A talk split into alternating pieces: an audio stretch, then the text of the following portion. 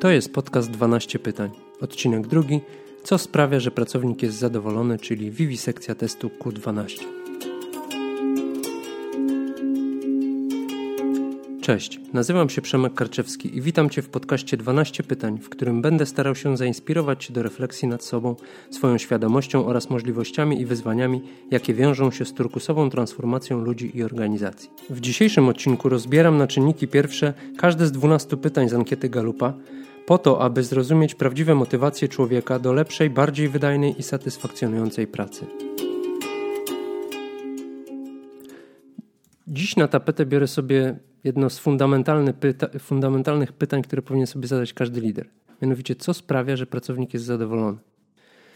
Odpowiedzi pomaga udzielić ankieta, o której wspominałem w pierwszym odcinku podcastu, zwana także testem Q12, opracowana przez badaczy z Instytutu Galupa. Tak jak mówiłem, ankieta powstała w efekcie blisko 30-letnich badań, mm, gdzie, gdzie poszukiwano czynników trwałego sukcesu i poszukiwania odpowiedzi na pytanie, co takiego sprawia, że jedne firmy y, mają się lepiej, a inne nie.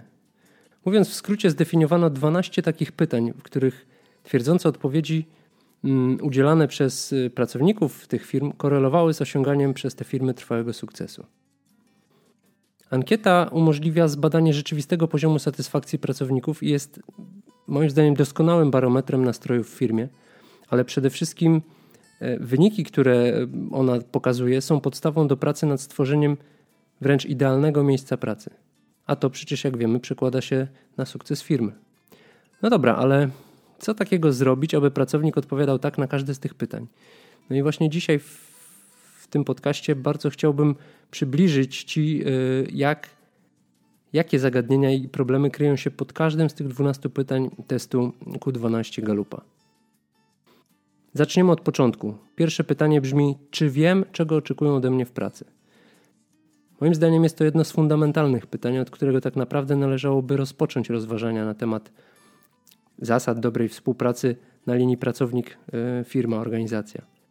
Wydaje się oczywiste, chociażby z faktu, że większość funkcji w organizacjach zdefiniowana jest nie tylko przez samą nazwę stanowiska pracy, ale też, a może głównie przez zakres obowiązków wręczany z reguły pierwszego dnia w pracy. Tymczasem całkiem często zdarza się, że dokumenty sobie, a rzeczywistość sobie. No i jeszcze ten murowany kandydat do cytatu stulecia, który brzmi jakoś tak: wykonywanie innych zadań zleconych przez przełożonego. A jeśli dodamy do tego jeszcze terminy, audiencji u wiecznie zajętych przełożonych, które są często tak odległe niczym terminy wizyt u lekarzy specjalistów, no to odpowiedź na to pytanie dla wielu z nas jest, nie jest już taka wcale oczywista i prosta. Do zrozumienia swojej roli w organizacji, moim zdaniem kluczowa jest właściwa komunikacja, która jest oparta na wzajemnym zaufaniu, otwartości i szczerości. I jasne komunikowanie swoich potrzeb, oczekiwań, pomysłów czy wątpliwości powinno stać się jednym z najważniejszych zadań wszystkich pracowników mm, organizacji. Wspólne zdefiniowanie przejrzystych wartości, a także pewnych zasad komunikowania się, moim zdaniem powinno nastąpić na samym początku współpracy i no być konsekwentnie, regularnie odświeżane, uzupełniane w miarę upływu czasu. O samej komunikacji jeszcze będę mówił.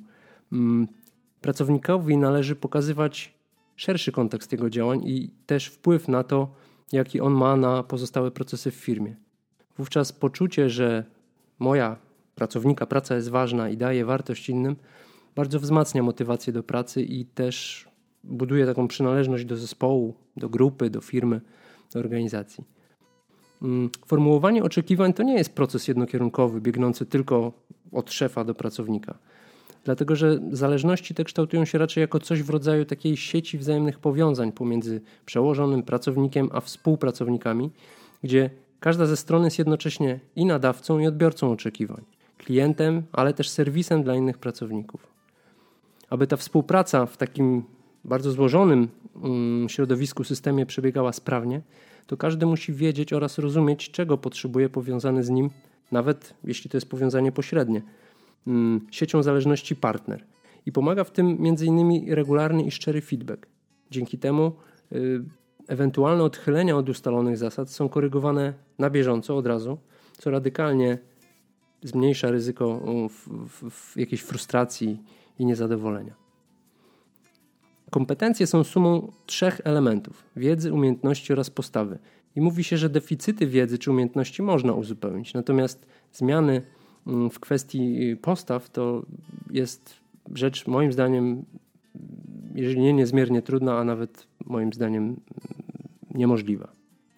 Warto zatem, y, aby wartości pracowników pokrywały się z wartościami organizacji. O tych wartościach zresztą firma powinna nie tylko mówić, ale przede wszystkim pokazywać je w codziennych działaniach. One powinny być żywe.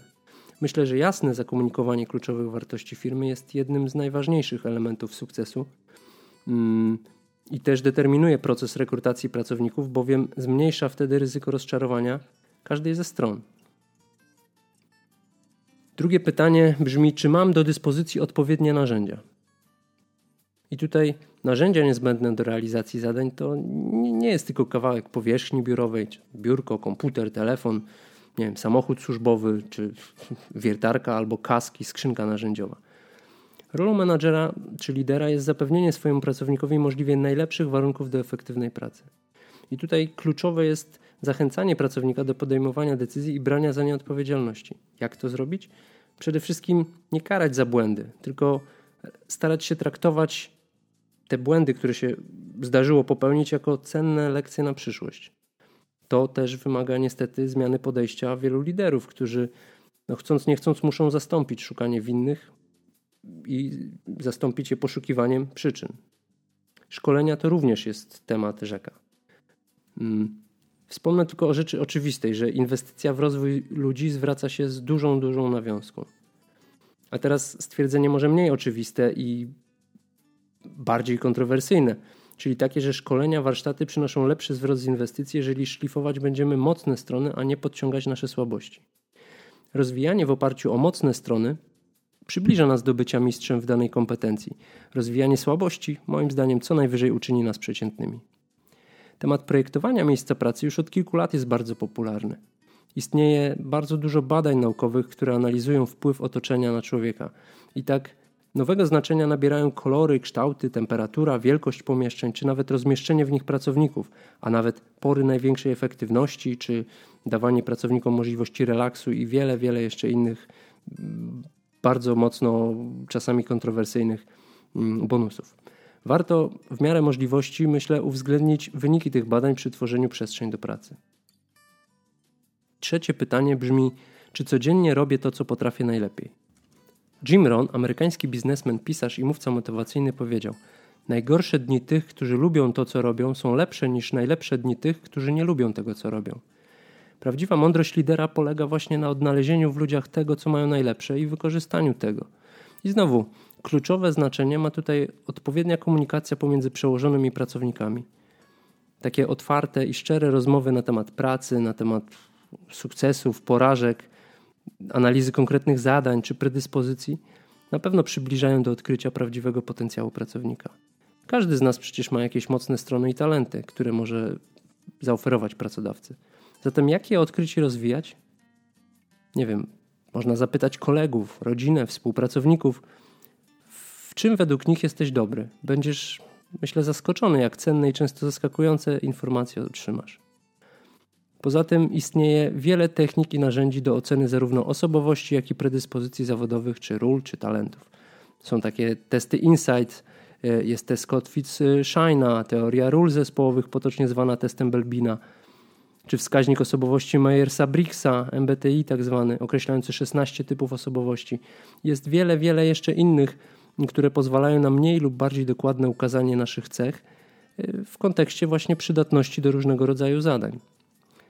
Y, chociaż mi osobiście najbardziej do gustu przypadł test Strength Finder, który mówiąc w skrócie określa Twoje dominujące talenty spośród 34 talentów, które zdefiniowano, mm, zdefiniowali naukowcy z Instytutu Galupa. Warto dodać, że według definicji talent to jest wrodzony sposób reagowania, zachowania i postępowania. Mm, a występowanie danego talentu nie jest w tym kontekście mm, równoznaczne z posiadaniem mocnej strony. Aby się talent stał taką mocną stroną, to trzeba bardzo mocno go rozwijać. Zresztą bardzo dużo mówi o tym Dominik Juszczyk w swoim podcaście z pasją o mocnych stronach, do którego bardzo gorąco mm, zachęcam. Mając świadomość talentów swoich pracowników, taki lider lub w zespołach bardziej rozwiniętych sam zespół może bardzo elastycznie dopasowywać zadania. Z pewnością jestem pewny, że przełoży się to na efektywność i satysfakcję z pracy. Poza tym wiedza o talentach pozwala wykorzystać potencjał pracowników w projektach, które wykraczają poza dział, w którym oni pracują. I przy tym w tej sytuacji jest taka strategia win-win, gdzie korzystają na tym wszyscy. Kolejne pytanie, czy w pracy liczy się moje zdanie? Niestety dość często jeszcze panuje przekonanie, że kompetencje do podejmowania decyzji powinny znajdować się na szczycie organizacyjnej piramidy. Czy faktycznie uważasz, że pojedyncze osoby są w stanie posiąść całą wiedzę o tak złożonym organizmie, jakim jest organizacja?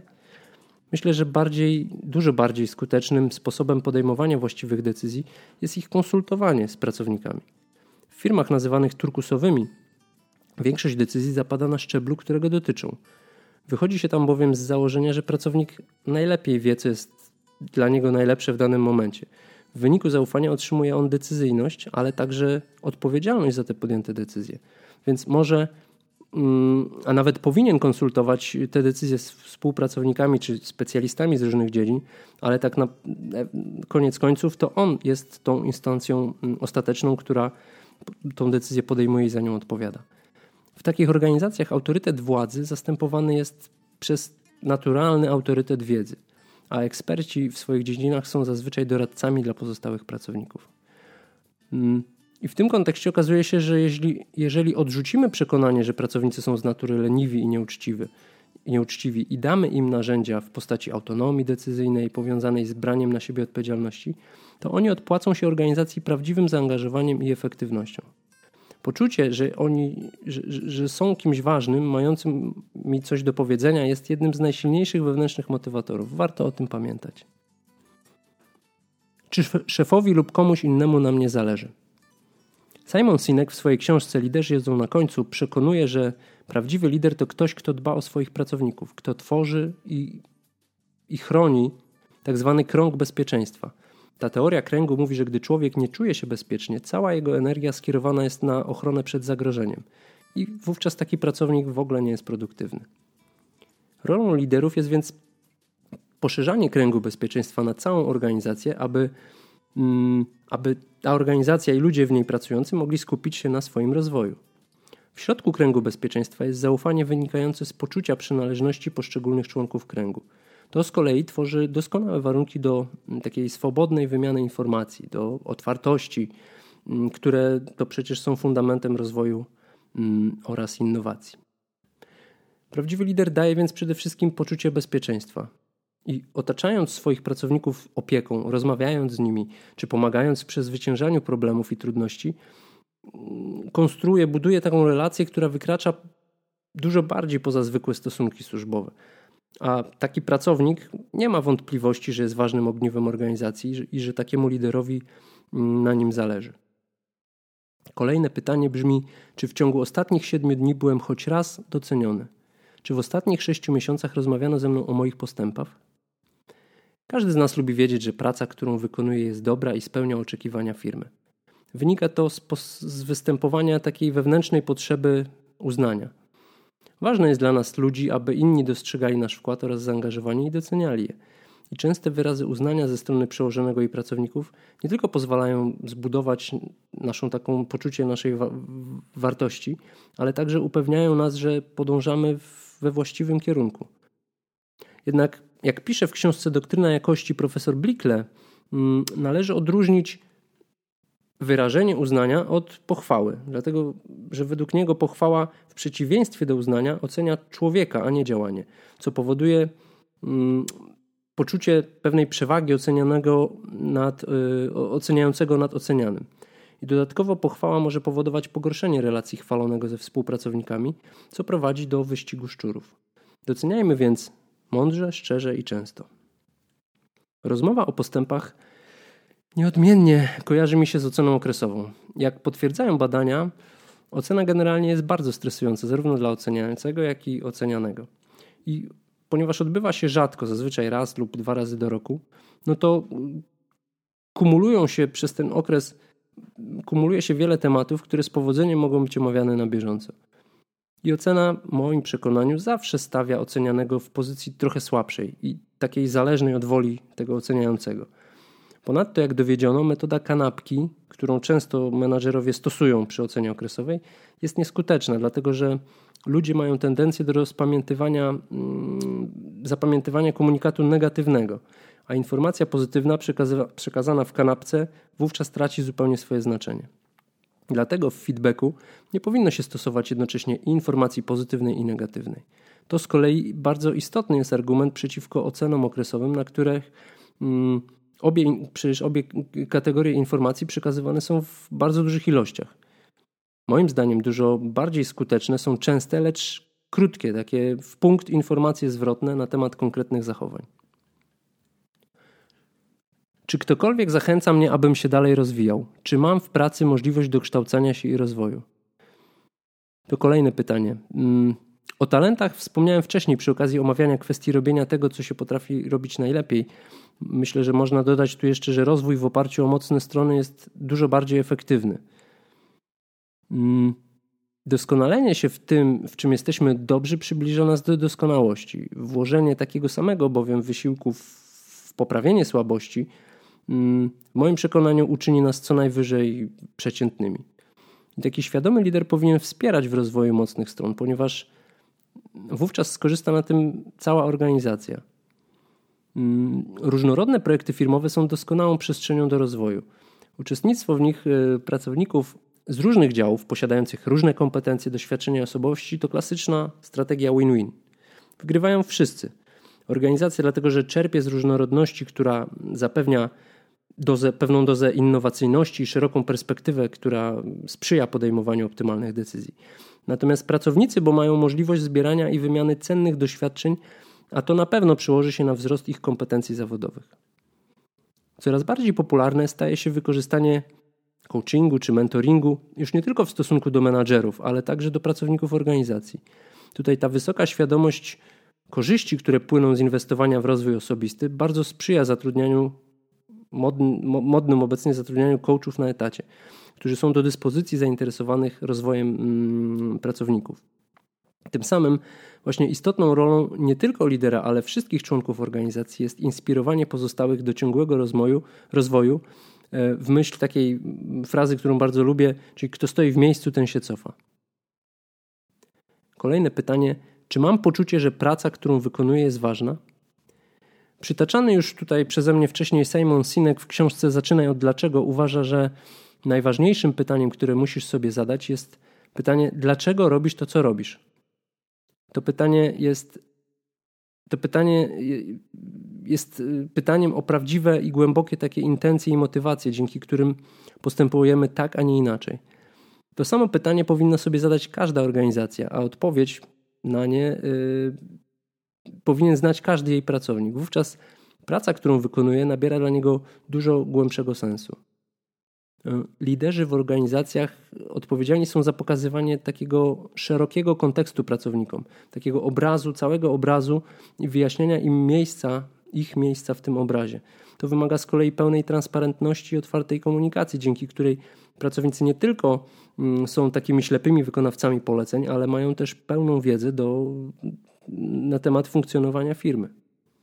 Aby zwiększyć to prawdopodobieństwo osiągania celu, pracownik musi się utożsamić z tym celem, musi go rozumieć i musi wiedzieć, jak on wpływa na realizację, jak on sam wpływa na realizację celów firmy. Najlepiej, gdy ten cel współtworzony jest przez samego pracownika. Wtedy naturalnie e, jest w stanie on wziąć dużo większą odpowiedzialność za niego.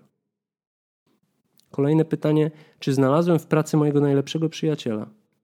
Hm, to pytanie na pierwszy rzut oka może się wydawać dziwne, lecz tak naprawdę, gdy się głębiej nad tym zastanowić, to okazuje się, że jeśli pracujemy w organizacji z silnymi, z silnym takim kręgiem bezpieczeństwa, o którym pisał Simon, mm, gdzie zaufanie, partnerskie relacje i współpraca, empatia, szczerość, otwartość, te, wartości są wartościami występującymi naturalnie w codziennej pracy, to prawdziwie, prawdziwe przyjaźnie prędzej czy później zostaną nawiązane. W końcu przecież w pracy spędzamy jedną trzecią, czasami nawet więcej dorosłego życia. Otaczają nas ludzie wyznający wspólne wartości, razem przeżywamy sukcesy i porażki, wspieramy się nawzajem. Czyż właśnie definicja przyjaźni nie brzmi podobnie?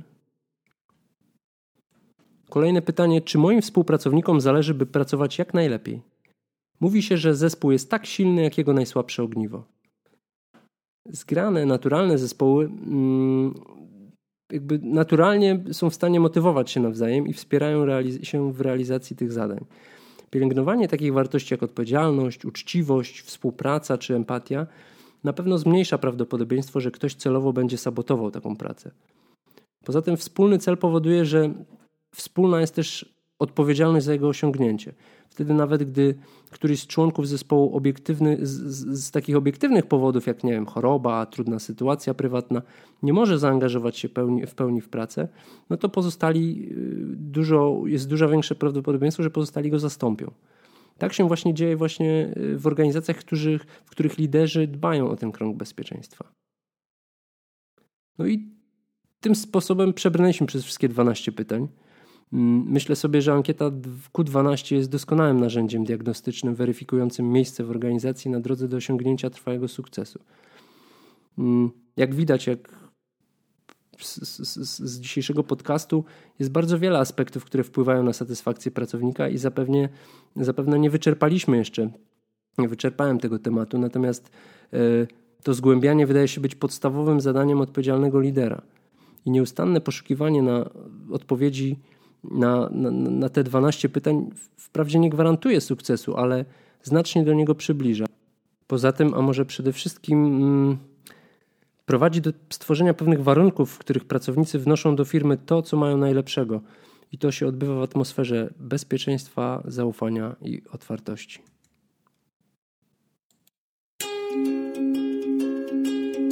Dziękuję Ci za wysłuchanie tego odcinka. Jeśli Cię zainteresował, zapraszam do subskrybowania podcastu i odwiedzenia mojego bloga 12pytań.pl. W notatkach do tego odcinka znajdziesz link do mojego artykułu na temat ankiety Q12 oraz link do samej ankiety ze strony Instytutu Galupa. Do usłyszenia za tydzień.